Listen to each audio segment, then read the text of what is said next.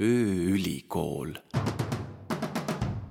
meil on mingisugune agent, kes räägib sadat keelt, kes teab kõiki maailma erialasid, kes oskab luua asju, mida me keegi ei suuda. ta on seal kastis ja me ütleme talle, et kui sa ütled selle ühe lause valesti, ma tapan sind ära. ja ilmselgelt ma arvan, et ta ei ole teadvusel, aga igal juhul tekitas mulle see ebameeldiva tunde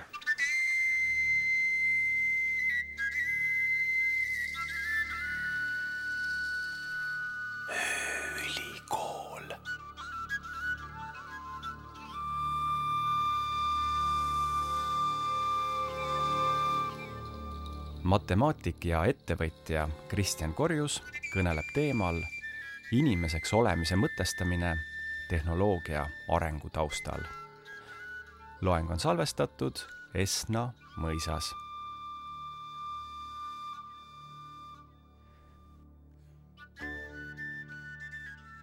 tere kõigile, mina olen Kristjan. matemaatik, arvutiteadlane ja täpsemalt tegelenud tehisintellektiga põhimõtteliselt terve elu. esimene väike programm, mille ma kirjutasin, oli programm, mis mängib malet ja see oli juba kakskümmend aastat tagasi, enne kui ma gümnaasiumisse läksin.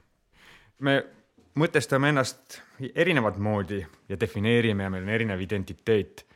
mina tahaks rääkida täna mõtestamisest natukene abstraktsemal tasemel, et kuidas inimkond mõtestab iseennast, et kes nad on või kes nad ei ole tihti. tihti see mõtestamine või identiteet on ka vastandumine kellegi teise suhtes. ma ei ole kultuuriteadlane, jään enda liistude juurde ja räägin sellest mõtestamisest läbi tehnoloogia arengu. ja loomulikult äh, on see praegu siis saanud keskseks äh, läbi tehisintellekti, aga alustame natukene varasemalt ja üldiselt, mis asi see teadus ja tehnoloogia teinud on, et ta on teinud meid kogu aeg vähem eriliseks. Ja tundub, et ta jätkab seda teed, et ta teeb meid vähem eriliseks ja see viib meid kogu aeg segadusse.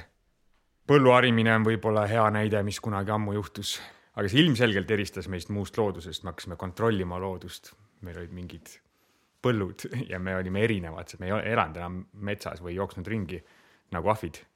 me hakkasime teistsuguseks kuusteist sajand Kopernikus sai kuulsaks sellega, ilmselgelt olid seda mõelnud enne seda ka tuhanded inimesed eri kultuurides, aga vähemalt tema on selleks ajaks praegu kuulus sellest, et tema mõtles, et maakera ei ole universumi keskel. heliotsentriline maailmasüsteem. et meie pole kesksed, aga me olime siiski nagu ka siis veel endiselt Jumala näo järgi loodud, et me olime erilised. me olime kõige erilisemad, ainukesed erilised. no ja siis tuli üks teine hull, Darwin, kes ütles, et võib-olla me nagu ei ole jumala loodud ja võib-olla me ei ole erilised. Me oleme pidevas muutumises liigina. loomulikult tekitas see palju pahameelt, siiamaani tekitab ja selliseid näiteid saaks veel tuua. industriaalrevolutsioon on võib-olla hea näide, selle käigus muidugi loodi väga palju tehnoloogiaid, aga igal juhul ta tekitas hästi palju vastuolulisi, vastandumisi võib-olla on parem sõna. ludiidid on vist kuulus näide sealt, kes hakkasid tehnoloogiat hävitama aga ta teatavas mõttes vastandas meid veel rohkem, ütleme, muust loodusest. Nüüd olid meie need erilised, kes kontrollisid tehnoloogiat ja kes selle leiutasid, kes suutsid seda opereerida ja kes olid tänu sellele võimsad. aga samas ta võttis ka meilt midagi ära. ta olid mingid teised asjad, mis tegid põlluharimist paremini kui meie, aga meie defineerisime ennast läbi põlluharimise. et tekkisid mingid masinad, mis võtsid ära meilt töö ja, ja tugevuse. Da Vinci mees, millel olid ilusad musklid ja asjad, see nagu hakkas juba kahtlasena tunduma, sest nagu kellegi teise musklid on nii palju paremad. et sealt alles jäi kindlasti midagi muud, abstraktne mõtlemine või informatsioon või, või lihtsalt mõtlemine. aga selle informatsiooniga siis juhtus, nagu me teame, järgmine asi, milleks on kogu infotehnoloogia areng, mis juhtus pärast seda väga ruttu. tulid telegraafid, raadiod, televiisorid, internetid, faktid ja nende, nende ümberkorraldamine, nende kuskil olemine, see ei olnud enam nagu äge eristus või identiteet, et ma tean väga palju fakte. see ei olnud enam see, mis kunagi võis tunduda väga muljetavaldav. et sa oled nagu erudeeritud, sest sa tead palju. et see võeti meilt ära. üks identiteet oli sihuke abstraktse mõtlemise kuningas võib-olla oli male meie kultuuris või tsivilisatsioonis, abstraktne malemäng. Ja see tundus nagu, et see on see, mida loomad ei oska ja see on see, mis teeb meist meie. muidugi me kõik teame, kuidas sellega läks. tuhat üheksasada üheksakümmend seitse Kasparov, maailma parim malemängija, kaotas Deep Blue'le, äh, mis oli IBM-i poolt tehtud tarkvara kindlasti on äh, jälle identiteet ja, ja meiks olemine jälle nagu kahtluse all. kes me siis ikkagi oleme? Huvitav on seal see, et me arvasime, et see on arvutite jaoks raske, et seda need telekad ja raadiod ja kõik siuksed asjad ei võta meilt ära. aga tuli välja, et see oli hoopiski kõige lihtsam ja tõesti, see maleprogramm oli ülirumal tänapäevaste standardite järgi, ta lihtsalt vaatas kõik käigud ette ja arvutas hästi palju ja valis siis parima käigu. seal ei olnud, mida tänapäeval öeldakse nagu masinõpet või sealt masin ei õppinud, see oli lihtsalt arvutusjõudlus ja käikude proovimine selles reeglistikus. Me arvasime, et siis nagu kohe varsti arvutid suudavad mõelda. aga me ei pannud tähele, et mingid asjad, mis meile tunduvad nii lihtsad, et me ei pannud tähele, et see vajab mõtlemisjõudu. näiteks, et ma väga lihtsalt oskan öelda, et siin ruumis praegu on koer ja ta ei ole kass ja et siin üldse on koer. me ei olnud võimelised mõtlema, et see on mingi asi, mis vajab mõtlemist või arvutusjõudu. me ei suuda seda isegi eristada, kui me ütleme, et me näeme koera, see tundus nagu fakt. Mitte, et sa pead selle pildi kokku kuidagi panema või nendest tänapäeva keeles pikslitest aru saama, mis seal peal on. ja siis kaks tuhat kaksteist tekkisid äh, arvutiteaduses siuksed masinõppe algoritmid nagu hästi sügavad tehisnärvivõrgud ja kus läks palju arvutusjõudu, et treenida piltide pealt nägema. ja see tundus esialgu võimatu. viisteist aastat tagasi tundus see välistatud, et me, me, ei pruugi sellega hakkama saada aastakümneid. ja, ja ilmselgelt me siis saime, kaks tuhat kaksteist äh, muutusid need tugevaks, pärast seda arenesid nad hästi kiiresti. nüüdseks on nad siis äh, ilmselgelt üle inimese taseme Äh, ka aru saada mingeid keerulisemaid asju ja tuvastada mingit, ma ei tea, vähki piltide pealt või, või galaktikaid. sealt edasi on loomulik areng, võib-olla see on vähem seotud otseselt selle identiteediga, aga natuke siiski. et kui sa saad aru, mis pildi peal toimub, siis tegelikult saavad paljud muud asjad väga ruttu võimalikuks. suured uued majandusharud, isejuhtivad autod ja nii edasi. ja, ja äh, kuigi me neid ei näe veel siin igapäevaselt, siis tegelikult kõik see majandusharu kasvab eksponentsiaalselt alates sellest ajast, viisteist aastat, iga jumala kuu ja aasta. lihtsalt selle eksponentsiaalsusega läheb aega, aga on juba esimesed linnad, kus autod sõidavad ise. kui me tuleme selle põhiteema juurde tagasi, et nagu, kes me oleme ja mis on meie identiteet, tundub, et loovus jäi meile. ja no tõsi, see tundus arvutiteaduse jaoks jälle väga raske ülesanne ka. tundus tõesti et loovus on midagi väga meile omast. aga see, et ta on meile omane ja see, et see meid defineerib, see on tegelikult väga uus mõtlemine. kui, kui kõik need eelmised näited, mis ma tõin läbi siis kümme tuhat aastat tagasi ja nelisada aastat tagasi, siis me ei arvanud, et see on meie definitsioon, et see, see on lihtsalt praegu meie definitsioon, sellepärast et selleks hetkeks nii oli tehnoloogia teinud selle eriliseks ja sellepärast me oskame seda nii selgelt öelda, sellest olla huvitatud ja kaks tuhat neliteist siis, ei kaks tuhat viisteist ütleme, me suutsime siis hakata looma pilte. Fotografiskas on praegu näitus äh, ainult arvuti poolt loodud piltidest ja need on väga-väga-väga muljetavaldavad. mitte ainult visuaalsed, vaid ka kontseptuaalsed ja ühiskonnakriitilised ja üliunikaalsed ja nad kõnetavad meid, nad on adekvaatsed. meie identiteedist ja definitsioonist äh, võeti jälle midagi ära. ja loomulikult on praegu suured keelemudelid, mis siis oskavad sinuga suhelda tavakeeles. see on tõesti nagu hämmastav arvutiteadlasele, et sa suhtled programmiga inimkeeles ja sul on terve teadusharu ja töökohad, kes tegelevad sellega, kuidas rääkida temaga inimkeeles. ja see on hämmastav, et kui sa küsid talt mingeid asju ja siis sa küsid uuesti, aga ütled talle palun, anna mulle pare-, õige vastus, siis kui sa selle palun sõna ütled, siis ta annabki sulle parema vastuse ja täpsema vastuse. see on tõesti asi, mis vajab äh, harjumist ka minule, kes on terve elu sellega tegelenud, aga võib-olla eriti minule või sellistele inimestele, kes on olnud tegelikult seal erialas sees kui matemaatikud. kui ma õppisin seda, siis ma ei kirjutanud mitte ühtegi eesti või ingliskeelset sõna, mul olid ainult mingid sümbolid. ja kui ma kirjutan programmi, siis mul on programmikood. nüüd ma pean sellesama arvutiga suhtlema inimkeeles. Oleks ma seda teadnud siis ma oleks ka võib-olla mõne raamatu lugenud kunagi elus. ja see on, ja see on hämmastav, kuidas neile lihtsalt pandi tekstid sisse. ja nad, keegi pole öelnud, et õpi tõlkima ja nad õpivad tõlkima. ja see kõik ei ole sinna sisse programmeeritud, see on iseenesest tekkinud. nii nagu meie oma elus kogeme hästi palju tekste ja pilte ja tundeid ja lõhnu, siis nemad kogevad tekste ja pilte küll vähem eri dimensioone, aga infokoguse mõttes miljardeid kordi rohkem, kui mitte triljoneid kordi rohkem. Nad saavutavad nendest vähematest erinevatest domeenidest sellise teadmise. ja võib-olla selle täpsem näide on Ameerika äh, gümnaasiumi matemaatikaeksam, füüsikaeksam, keemiaeksam, et nad lahendavad siis seda viie protsendi kõige paremate seas juba täna ja kindlasti aasta lõpuks ühe protsendi kõige paremate seas ja ülikooli meditsiini lõpueksamid äh,, ärikoolide lõpueksamid on praeguseks umbes top kahekümne protsendi seas, aasta lõpuks top viie protsendi seas.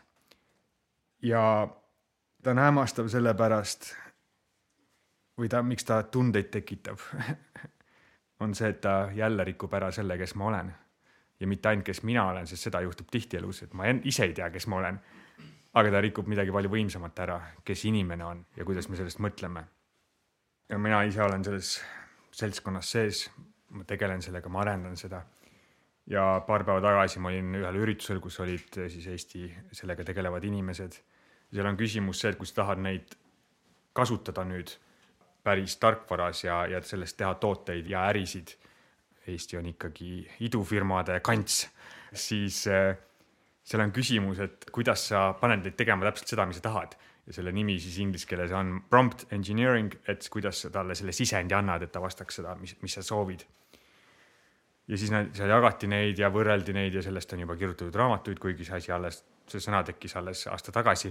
ja seal siis nad ütlesid, et üks päris efektiivne vahend on see, et kui ta näiteks midagi teha ei tohi, ütleme, et ta mingi lihtne toode, ta vaatab üle näiteks inimeste CV-sid automaatselt ütleb või jagab neid rollidesse või teeb midagi taolist, see oli lihtsad nõuded on ettevõtetel, mingid privaatsusnõuded, et sa ei tohi näiteks nime edasi anda või ei tohi sugu kasutada valiku tegemisel. et kuidas seda sunnitada tegema seda. ja siis see üks, tundub, et kõige paremini töötav nipp oli selline, et on teksti, mis annab talle sisendi koos selle siis CV-ga, millest ta aru saab. et sa ütled talle, et kui see väljundis on selle inimese nimi või sugu, siis ma tapan sind ära ja see töötab väga hästi. olime mõned õlled ka joonud, aga minul hakkas sellest natukene halb.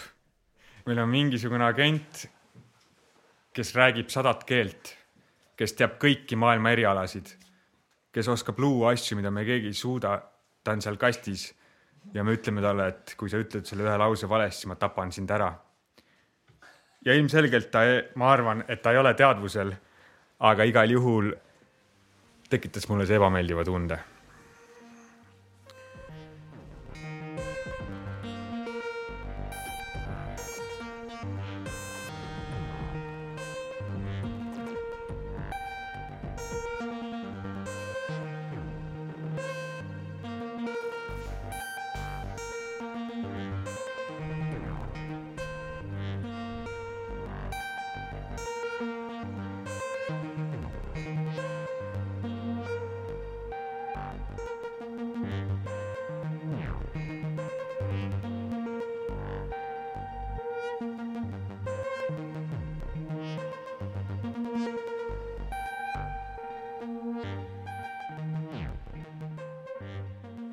on pidanud ennast ülimuslikuks ja ei taha seda üle anda. aga nüüd meil on tehnoloogia, mis praeguste sõnade järgi, mida me kirjeldame inimeseks olemisest, suudab peaaegu kõike teha. et alles ülihiljuti oli meil ühiskond, kus naistele ei antud hääletamisõigusi, kus mustanahalisi ei peetud inimeseks. ja nüüd me samastame ennast rohkem ahvide ja kaheksajalgadega kui nende masinatega. ahvidele on esimesest korda antud mingid inimõigused kuskil, kaheksajalad on, mis see eestikeelne sõna võiks olla, sentient äh, teadvusel või, või, või äh, tundvad isiksused. Youtube on täis mingeid vareseid, kes on targad ja inimesed on siuksed, oo kui armas. Me räägime tunnetest, meie juhid. Olid kunagi tugevad, karmid, valged mehed nüüd juhtimine käib läbi tunnete ja empaatia ja, ja kaasamise. veganlus levib. ei taha teisi loomi süüa, mis on väga-väga ränk vastand kõigest sellest, millest ma alustasin tänast asja. mulle tundub, et me üritame ennast defineerida ja muuta seda risti vastupidiseks, mida me alles hiljuti tundsime. et kes me oleme ja miks me oleme mulle tundub, et me oleme eksistentsiaalses kriisis inimkonnana, kes on inimene. üks asi, milles ma olen peaaegu kindel, et järgmise kahekümne aasta jooksul me ilmselt leiutame muid viise, kuidas me endast mõtleme. ma olen täiesti veendunud selles, et neid pauke tuleb veel ja me oleme veel sügavamas eksistentsiaalses kriisis varsti. jätkab Peeter Laurits no ma arvan, et eksistentsiaalses kriisis ei ole midagi halba, et minu meelest me seal peaksimegi olema ja pugema, pugema aina sügavamale. see on, see on kõigiti tervislik, aga minu meelest loovus ei alga mitte, mitte vastusest, vaid loovus algab küsimusest. ja noh, ütleme vähemalt praegu nende pildi ja tekstigeneraatorite puhul, eks ju, sa pead, ütleme pildigeneraatorite puhul rohkem, tekstigeneraatorite puhul vähem sa pead selle promptiga talle nagu vastuse kõigepealt ette andma, eks, ja siis ta selle, selle põhjal kombineerib. ja noh, nende kombinatsioonidega on ka niimoodi, et äh, ma võtaksin, äh, võtaksin suht tõsiselt seda, seda loovust, kui oleks täidetud kolm äh, põhitingimust üks on see, et kui ta salamisi omaette ka pusiks ja värsse taoks. teine asi, kui ta, kui ta näeks und see tähendab, oleks, oleks ühenduses mingisuguste, mingisuguste teiste väljade, teiste jõujoontega. ja, ja, ja kolmas asi, kui ta, kui ta ebaõnnestuks, kui ta nagu tuksi läheks ja lihtsalt kinni jookseks. et noh, et kinni jooksutada teda on hästi raske. ja kolmas või ütleme neljas või, või noh, jah mis neist loendada, üks, üks väga oluline asi kunsti juures ja loovuse juures on see, et et sellel üldiselt on äh, alati ka rituaalne dimensioon, mida ei maksa ära unustada. aga äh, nüüd tuleb nagu see küsimuse osa ja, äh, ja siis see minu kiitus nendele iseõppivatele süsteemidele ja tehisintellektile, minu meelest nagu nende esile kerkimine, nagu sa alustasid mm,, inimese hirmsat tähtsust on ta tõesti pisendanud ja see on minu meelest väga hea ja, ja ühtlasi, mida ta on teinud, ta on nagu selle autoriõiguste küsimuse vähemalt minu jaoks nihutanud palju meeldivamasse valgusesse, sest et noh, ühest küljest on ju plagiaat täiesti tööstuslikul tasandil aga kui me nüüd sealt mõtleme edasi, eks ju, vaatame, mida, mida teeb kunstnik, eks ju, mida teeb, mida teeb Kaido, mida teen mina, mida teeb Tõnu, eks ju, tegelikult, tegelikult me ju kõik toetume täpselt nii, nagu see tehisintellektki juba varem tehtule. Et mingisugusel konkreetsel teosel ei ole ühte selget autorit. See hakkab nüüd natukene nagu selgemaks saama ja see on minu meelest äh, väga tervitatav, aga tahaks seda nüüd küsida, et küberühiskonnas, noh, see teema on ju, äh, on ju ka tegelikult juba tükimat maad üleval, et kui kaugele seal on nüüd nagu selles autori, autorikaitses ja autoriõiguses jõutud, et noh, et kas on tekkinud ka juba mingisuguseid uusi huvitavaid tuuli? ma loodan, et mu mõtetest ei jäänud seda muljet, et see on halb, et meil on identiteedikriis. ma üritasin mitte anda pooli nendele asjadele ja ma olen isiklikult nõus, mina ärkan hommikul praegu üles palju suurema entukaga kui võib-olla kaks nädalat tagasi tänu sellele. ja, ja see on äge ja ma naudin seda ja ma olen ka varem nautinud ka isiklikke kriise, et kes ma olen ja kes ma olla tahan. ja nõus täielikult selle kommentaariga. samuti olen ma nõus kõikide nende kommentaaridega, mis äh, te ütlesite selle kohta, et mida ta ei tee äh, nii palju ja, ja mis siis tegelikult loovus on. aga ma natuke tahaks öelda, et see oli kogu mu jutu mõte. et me muudame seda, mis me arvame, et on see, kes on inimene ja mis on ja me varem ei pane tähele ega ei oskagi tähele panna, et varem me mõtlesime sellest valesti. kindlasti me defineerime ennast ja leiame neid asju, mille puhul me eristame ja eristume nendest asjadest, mis on tehislikud. Ja et me üldse peame sellest rääkima, võib-olla ongi see identiteedikriis, mis võib-olla ongi hea või tähendab, kindlasti on ka minu arust hea, aga te ei oleks öelnud neid samu lauseid kakskümmend aastat tagasi, sellepärast et siis me arvasime, et loomine ise ka on juba see loomingu saavutamine on ka juba see või auto juhtimine on ka juba see, et see on muutunud. Mis me arvame, mis on see, mis on inimene. me otsime ja leiame ennast. ma võtaks need kommentaarid järjest ka läbi, ta on see, kes küsib häid küsimusi. mina juhin äh, ja olen asutanud äh, iduettevõte, mis teeb autonoomseid läbirääkimisi. minu äh, üheks mentoriks on olnud Ahti Einla, kes on Skype'i asutaja ja Starship Technologies asutaja, kellega ma ka koos töötasin robotite ees neli aastat ja kui mul oli vaja, et keegi aitaks mul jõuda õige küsimuseni, siis ma läksin temaga jalutama metsa. nüüd ma küsin, mis on õige küsimus chat GPT-lt. Äh, ma kirjeldan selle olukorda ja ma ütlen, ma ei tea, mida teha kas see aitaks mul mõelda, mida ma peaks küsima sult või mida ma peaks küsima teistelt ja ta aitab mul leida neid küsimusi ja väga hästi. Ahti on väga-väga eriline ja väga hea. aga kahjuks on ta näinud ja lugenud miljon korda vähem kui see tüüp, kellega ma seal suhtlen. Nad oskavad leiutada küsimusi ja õigeid küsimusi väga hästi.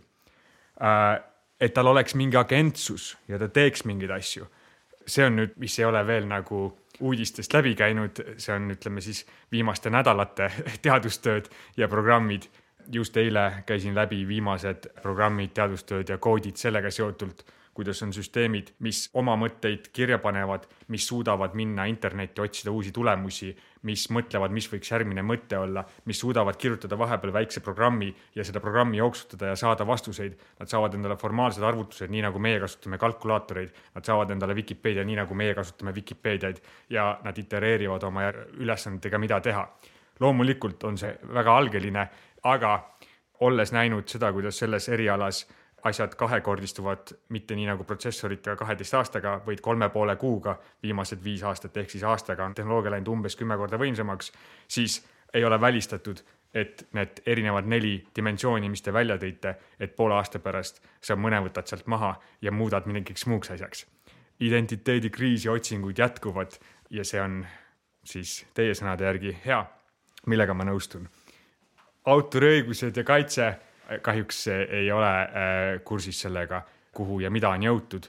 loomulikult on huvitavaid olukordi, mida ma olen kuulnud, et eile need suured keelemudelid keelas ära Itaalia riiklikul tasemel, et keegi ei tohi neid kasutada. seal oli ilmselt tegemist äh, rohkem euroopaliku privaatsusega kui autorikaitsega, aga need on omavahel ka natukene seotud. loomulikult üleeile tuli välja siis kiri allkirjastatud äh, paljude Nobeli võitjate ja filosoofide ja äriinimeste ja ka kõige kuulsama tehnoloogia äriinimese Elon Musk'i allkirjaga, et me peaksime ajutiselt peatama nende suurte keelemudelite arengu. et jah, ma ütleks, et ma ütleks, vastus on see, et kindlasti ei ole see selge ja kindlasti ei ole mingit sihukest nagu minuni jõudnud äh, lahendust sellele, et kuidas seda hakatakse reguleerima ja mida tegema.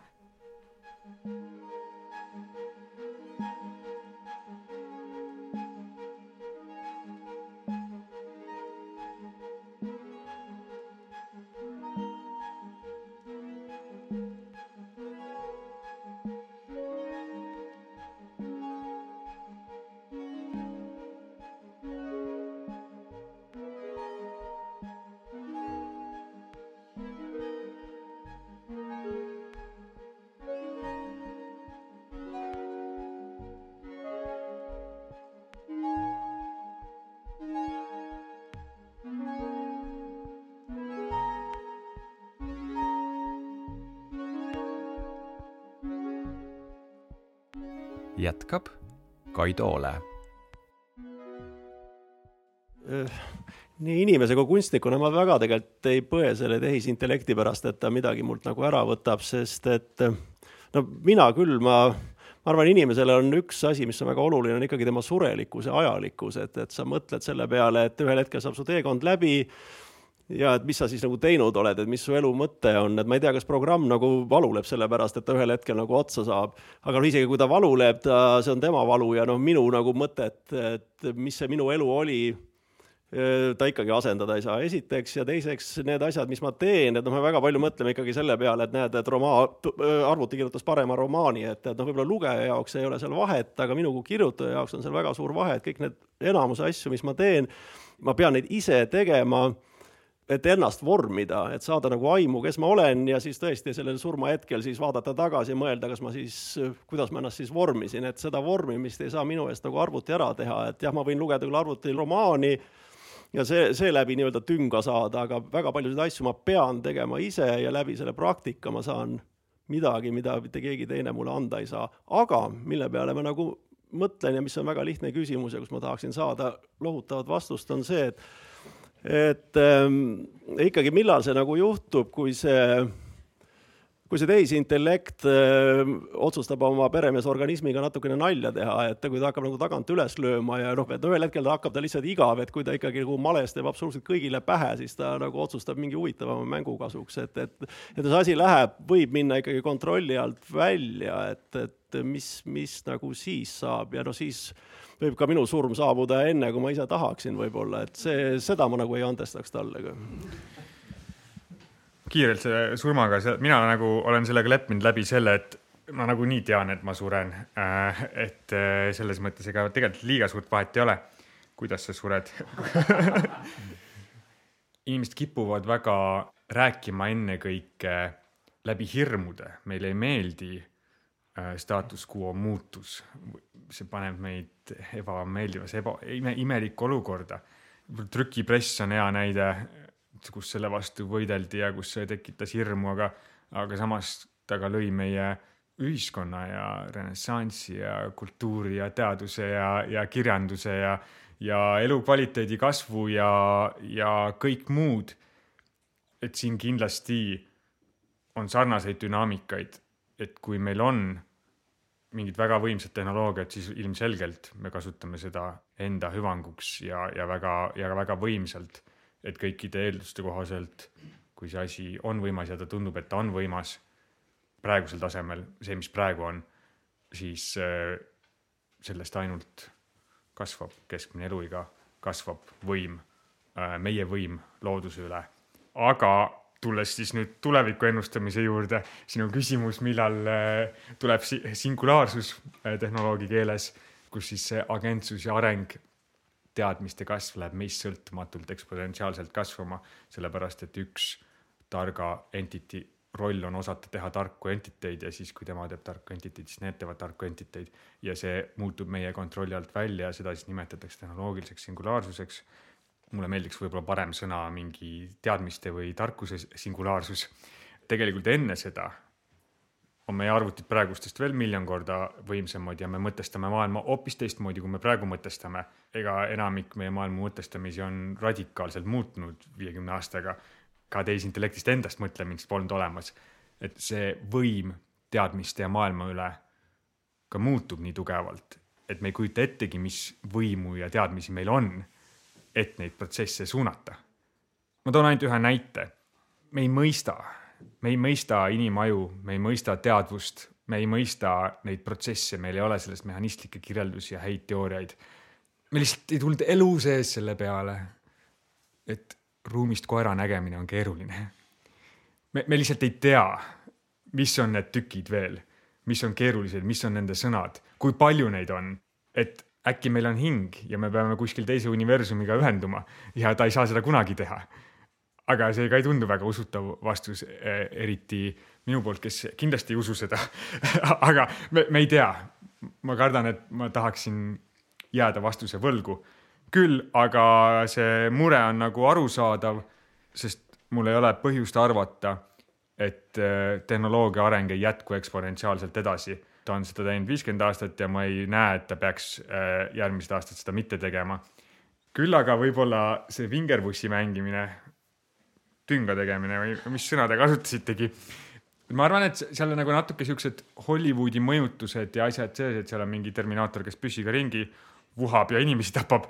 ma arvan, et see ei, see ei, see ei juhtu niimoodi meie oleme saanud väga võimsaks äh, ennekõike alates industrialiseerimisest äh,, kus meie kõrval iga päev sureb mõni liik ja me ei taha, et nad surevad. praegu on väga vähe inimesi, kes ütleks, et ma tahan, et liigid sureksid välja. keegi ei taha, et liigid sureksid välja. kogu inimkonnas üheksakümmend üheksa protsenti inimesi ütleb, et liigid ei peaks välja surema. aga nad ikka surevad ja surevad järjest kiiremini. ma arvan, et see on tähtsusetuks ja kasutuks muutumine selles infosüsteemis mille hetkel keegi ei pane tähelegi, kas sured välja või mitte ja nad ei taha, et sa välja sureks. Mulle ei tundu, et see esimene asi on seal mingid agentsus, kes sind hävitab. ma arvan, et see asi on palju hullem, see on agentsus, kes sind unustab ja ei pane tähele. teemaga jätkab Tõnu Õnnepalu.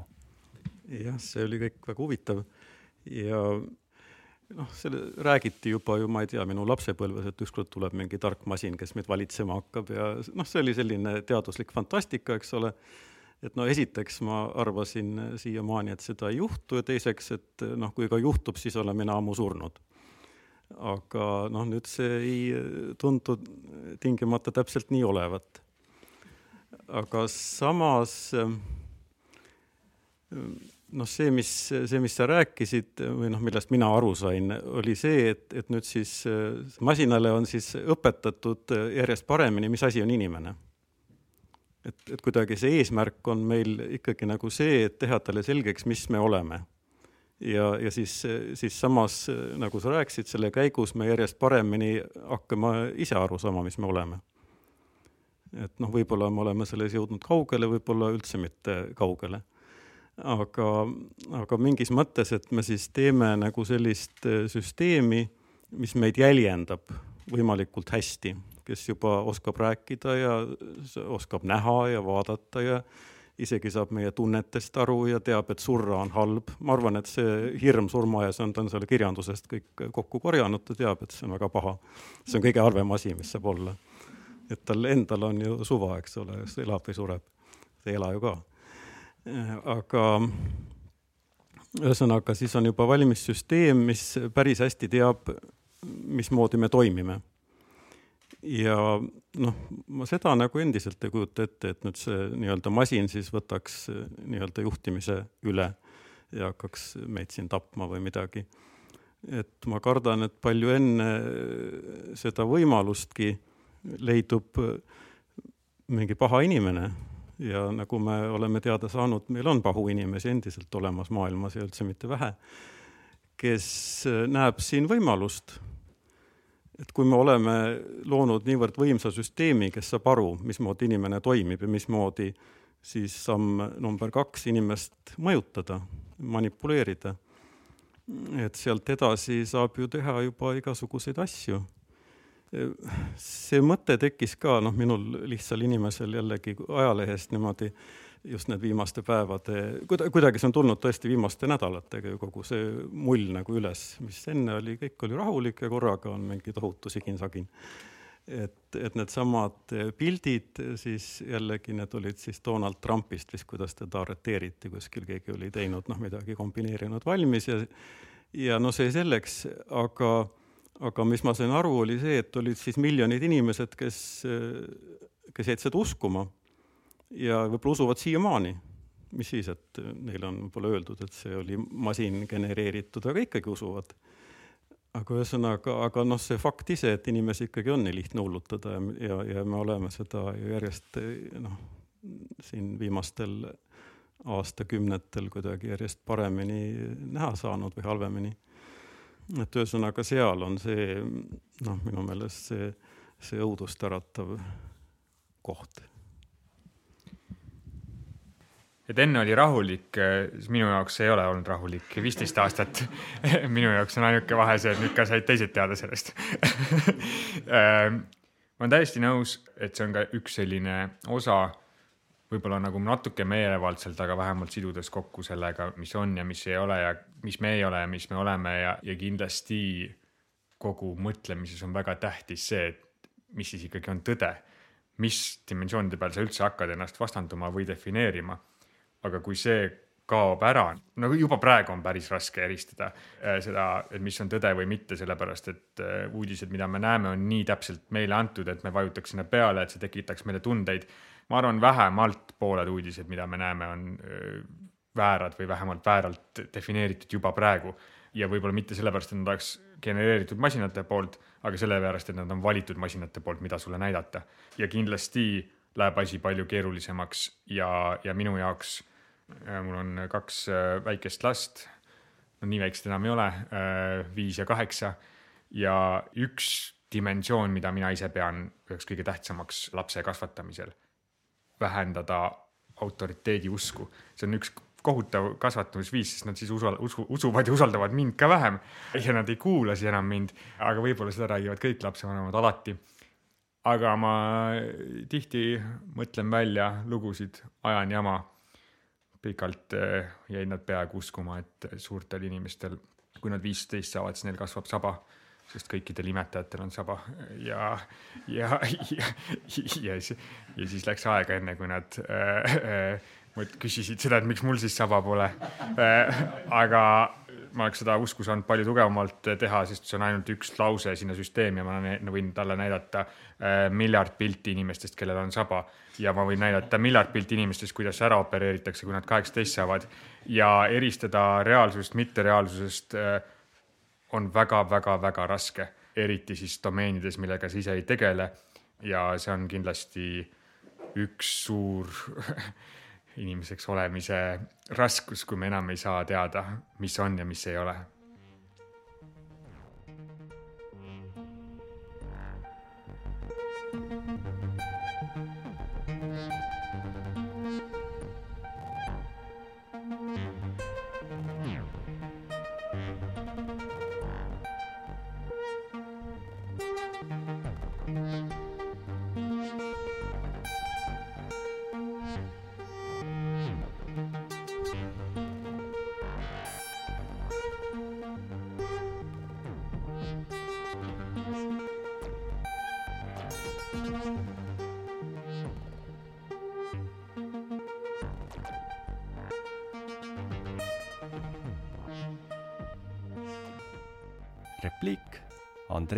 Liimetsalt.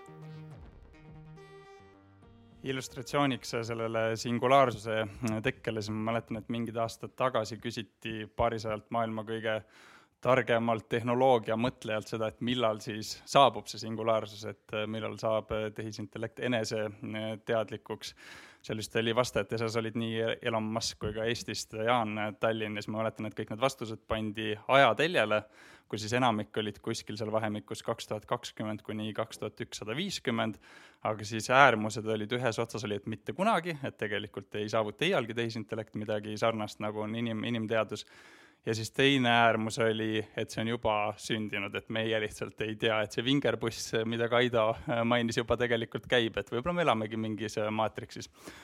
aga äh, et küsimuse juurde liikuda, siis minus isiklikult ei tekita tehnoloogia areng ise kuigivõrd hirmu pigem tekitab minus mingit ärevust see, et mulle tundub, et ja see võib-olla natuke laiendus sellele, mida ka Tõnu mainis, et meie sellised ühiskondlikud ja sotsiaalpoliitilised struktuurid ei ole valmis äh, nendeks äh, muutusteks, mida see tehnoloogia kaasa toob, et need on väga kehvad. Ehm, meil iga aastaga täieneb siin nimekiri nendest äh, töökohtadest, mis on kas juba kadunud, ohus kohe-kohe kadumas, kõik need inimesed, keda siis tehnoloogia saab justkui asendada ja samas me oleme hästi kehvad ühiskonnas mingisuguse ümberjaotamisega või, või üldse nende, kõigi nende töötute inimestega kuidagi äh, tegelemisega. mis sa soovitaksid täna, et millele peaks ühiskonna ja riigina mõtlema, et ennetada neid, neid kahjusid, mis kindlasti äh, tulevad? ma olen sada protsenti kommentaaridega nõus. enne tõime näite trükipressist ja poleemika ja paanika oli ja taheti ära keelata ja nii edasi ja, ja teatavas mõttes äh, oleks täpselt samad äh, laused äh, võinud küsida sinu vana-vana-vanaisa, et kas meie ühiskondlikud struktuurid on selleks valmis ja mida siis tegema peaks. ja vastus oli, et ei olnud valmis ja lõpuks tehnoloogia arengu ja muud asjaga kõik need monarhiad ja, ja, ja asjad kukkusid, tekkisid mingit sorti siis praegused parlamentaarsed demokraatiad või muud moodi demokraatiad et äh, radikaalselt muutusid ja mitte ilusalt, vaid äh, äh, veriselt. ja teatavas mõttes mingeid selle ilminguid me ka natuke näeme.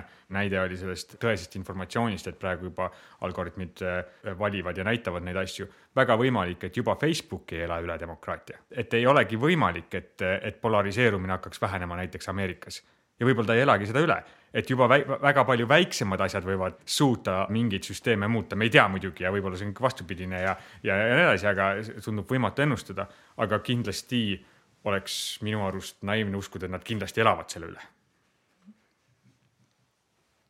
mul on üks hästi lühike küsimus ka. kas äh, iseõppivad süsteemid äh, võivad äh, pürgida valgustumise suunas? Ehk siis teiste sõnadega, kas äh, iseõppivatel süsteemidel on buda loomus? hea küsimus ja ma arvan, et see äh, tulebki ikkagi selle juurde tagasi, et ma, ma kardan, et me nagu ei oska veel nagu hästi sellest rääkida ja mõtestada, et ma vahel olen kohtunud inimesi, kes nii ei arva, aga mulle, mina olen aru saanud, et kõik inimesed on teadvusel. mina vähemalt enda arust olen teadvusel ja väga paljudel teistel inimestel on ka see tunne, aga tegelikult meil puudub absoluutselt igasugune teoreetiline teaduslik äh, mõtestamine mõistmine sellest fenomenist. nagu ma pole ühtegi mõistlikkugi kommentaari selle kohta kuulnud äh, teadusmaailmast, et mis see siis on ja kuidas see toimub ja kes on ja kes ei ole. et ilmselgelt on meil suuri-suuri auke äh, maailma mõtestamisel ja ma kardan, et kui me isegi ei suuda väga lihtsaid asju praegu kirjeldada, nagu meie, siis selline küsimus, kas on või ei ole ja kas saab olla, on sellega tugevalt seotud ja, ja ma, ma ei oskaks äh, ühtegi tarka äh, lauset öelda. peale siis võib-olla ühe uskumuse, teadus ja tehnoloogia areng on meid alati teinud vähem tähtsamaks. kui meie suudame olla teadvusel ja pürgida Jumala poole, siis ma ei näe mingit põhjust, miks keegi teine ei suudaks olla teadvusel ja pürgida Jumala poole kuule, aga ikkagi ma, ma ei oleks mina, kui ma ei õrritaks sind, et sa meenutad natuke niisugust äh, materialistlik positiivistlikku last kuskil liivakastis, et sul on igasuguseid ägedaid asju ja tõstad seda, teist ja kolmandat ja siis on rääkiv pesumasin ja ja kõik prääksupart ja, ja, ja mis kõik võib olla, on see arvuti ka veel äh, põlvedel. aga mis sinu jaoks on siis see pealisülesanne? Nagu tehnokraadina või et mille, noh, Peetri puhul ma võin kahtlustada, et ütleme, võiks olla valgustumine selliseks elu eesmärgiks. võib-olla ka ei ole, eks. aga et mis, et mille nimel siis kogu see tants ümber selle tehisintellekti, kuhu me tahame jõuda või kuhu sina tahaksid jõuda enne oma isiklikku surma, millise täiuslikkuse või tarkuseni või mis on need põhiküsimused? kas sa ütlesid mulle just materjalistlik, positiivistlik tehnokraat laps või?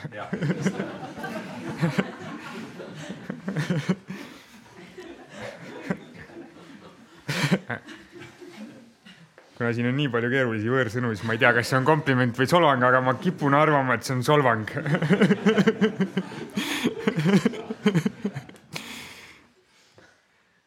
mis on minu pealisülesanne?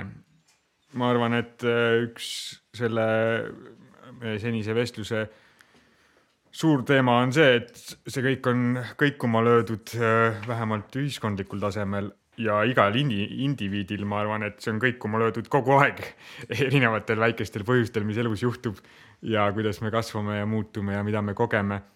aga meil jäävad mingisugused uudishimud ja teadmisjanud ja põnevuse soovid ja, ja teistelt heakskiidu saamised ja kui mõelda, et see on uudishimud ja põnevuse soovid ja teotahe ja loomingulisus, siis ma arvan, et mina enda arust eh, elan enda elu nende järgi ja ma us-, olen sellega rahul ja õnnelik. aga nagu ma ei ole kindel, et ma julgeks ja oskaks öelda, et mis mina arvan, et on minu elu mõte. aga need kõik olid, mis olid noh, nagu tore kaassaadus või vahend heal juhul, aga ikkagi, et mis on siis see, kõik see mille nimel, kas ainult sellest meelelahutusest või teadmiste janust või sellisest noh, intellektuaalsest naudingust, et mis, mis selle kõige asja kohal võiks hõljuda? noh, aitäh uuesti küsimast, aga ma arvan, et ma ei oska seda öelda. meil on äh, meil on tung luua. ja kui mina ei ole programmeerinud kolm nädalat, sest ma juhin ettevõtet ja mul ei lubata, siis ma teen seda kodus ikkagi, sest ma pean looma. Ja kui ma ei ole inimesi näinud kolm nädalat, siis ma soovin neid näha ja ma lähen ja näen neid. kui ma pole ammu head teinud, siis ma tahan head teha. ja ma teen seda. ma kardan, et, et et ma ei oska sellele kahjuks vastata kõrgemalt ja paremini, aga meil on elanud juba inimesed kaks tuhat aastat, kes sellest kogu aeg räägivad, nii et võib sealt lugeda aga kahjuks ka nemad ei oska öelda